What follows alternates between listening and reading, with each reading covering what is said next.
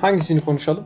Sen sor işte kafana göre sor. Şuraya gelelim o zaman çok ilgisiz olsun. Kur'an neden Arapça ve neden Araplara indi? Kur'an neden Arapça indi? Çok basit cevabı Araplara indiği için. Niye Araplara inmiştir? E şimdi çok buna kesin bir cevabım yok. Çok müthiş şekilde Kur'an'da da böyle anlatılmıyor zaten. Neden Araplara indi diye bir sorunun cevabını bulamıyoruz Kur'an'da ama şöyle bir durum tabii var. Yani bizim Hazreti İbrahim'in, Hazreti Adem'den Hazreti İbrahim'e kadar gelen bir peygamber silsilesi. Hazreti İbrahim'den sonra da ikili bir silsile var. Ee, özellikle birinci oğlu İsmail, Hazreti İsmail. Torunu oluyor Hazreti Muhammed. Bir de Hazreti İshak'ın soyundan gelmek var, gelenler var. Onlar da Yahudiler. Yani Yahudi demeyelim, İshak'ın oğlu Yakup. Ya Hazreti Yakup'un da bir hani lakabı İsrail. İsrail ismi Hazreti Yakup'un adıdır. İsraililer, İsrailliler diyelim. Ondan sonra diğer peygamberler geliyor. Orada çok peygamber var ve Kur'an'da çok anlatılır. Mesela enteresan bir bilgi vereyim. Bilenleriniz vardır. En çok ismi geçen peygamber Kur'an'da Hazreti Musa'dır. Yine Musa da Hazreti Yakup'un, Hazreti İbrahim'in soyundan gelmiştir. Hazreti Yusuf'la beraber Mısır'a gidiş oldu. Yahudi, yani İbrani deniyor onlara.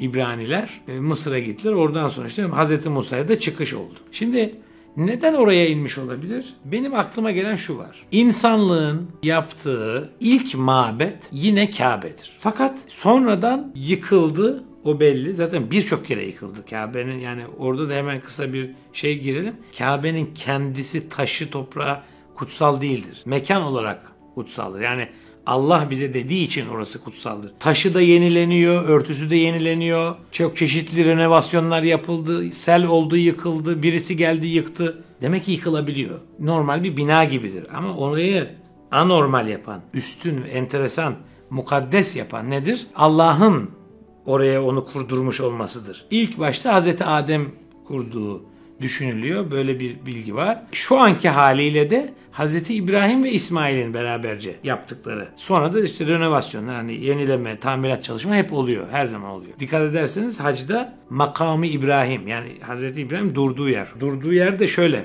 Yani bir ölçü almak için o. Yani Kabe'yi nasıl koyayım, ne- neresi temel, neresi duvar. Onun durarak hani ölçü aldığı ve mihenk taşı gibi bir durum. Makamı İbrahim hala ayrıca durur. Burada Araplara niye inmiş olabilir? Şimdi enteresan olan şu ya işte Kabe Arabistan'da yani Arapların olduğu yerde. Suudi Arabistan diye anlatmıyorum. Arabistan demek Arapların olduğu yer. Hz. Muhammed'e kadar Hz. İsmail'den beri bir peygamber tanımıyoruz, bilmiyoruz. Dolayısıyla Mekkeliler kitap ehli olmadılar. Allah peygamber yani kitap göndermedi. Bu arada bir yere peygamber göndermesi Allah'ın kitap göndermesi demektir. Bir peygamberin Allah'ın elçisi olarak, Resul olarak söylediği her şey zaten kitabıdır. İlla biz tabi kitap deyince basılı ve yazılı bir materyal olarak düşünüyoruz ama yazıyı beynindeki yazı olarak düşünmek lazım. Beynimizdeki yazı.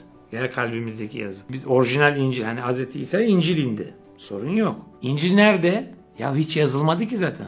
İncil hiç yazılmadı zaten. Bu şu anki İncil'ler zaten adı üstünde. Matta, Markus, Luka, Yuhanna. Gospels dedikleri İncil'ler.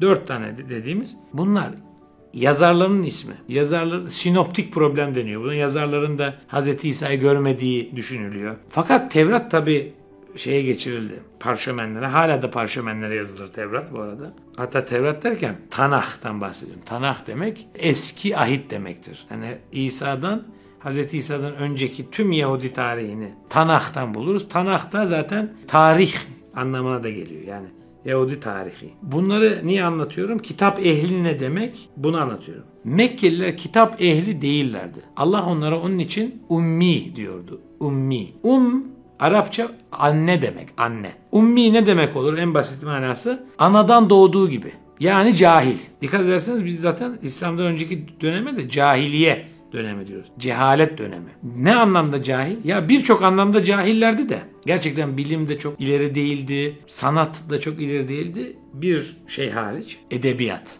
Dil, edebiyat konusunda çok üstünlerdi. O tartışılacak bir durum değil. Şimdi dikkat ederseniz Kur'an da edebi olarak da çok büyük mucizedir. En büyük edebiyatçıları da müşrik olmasına rağmen Kur'an'ın yani kendi duydukları ayetlerin nasıl hangisine denk geliyorsa çok edebi olarak çok kuvvetli, çok müthiş sözler olduğuna inanıyorlardı. Hatta şöyle rivayetler de var. Bazı şairler duyunca secdeye kapandılar. Secde çünkü zaten saygı göstermek demek. Araplar da bu secdeyi biliyorlardı. Zaten Allah'a da ibadet ediyorlardı. Allah baş Allah dışında başka tanrılara da özellikle de Lat, Menat, Uzza ve ayrıca Hubel. Uydurma tanrılara da ibadet ettikleri için Allah onlara doğru yolu gösterdi. Tabi böyle bir bilgiyi nereden öğrendiler? Hiçbir yerden. Allah da onlara diyor ki siz bunlar bilmediğiniz şeyler mi konuşuyorsunuz? Çünkü Allah onun hakkında bir kitap göndermedi. Mesela Yahudiler, sonra da Nasraniler bazı şeyleri biliyorlardı. Çünkü kitapları var.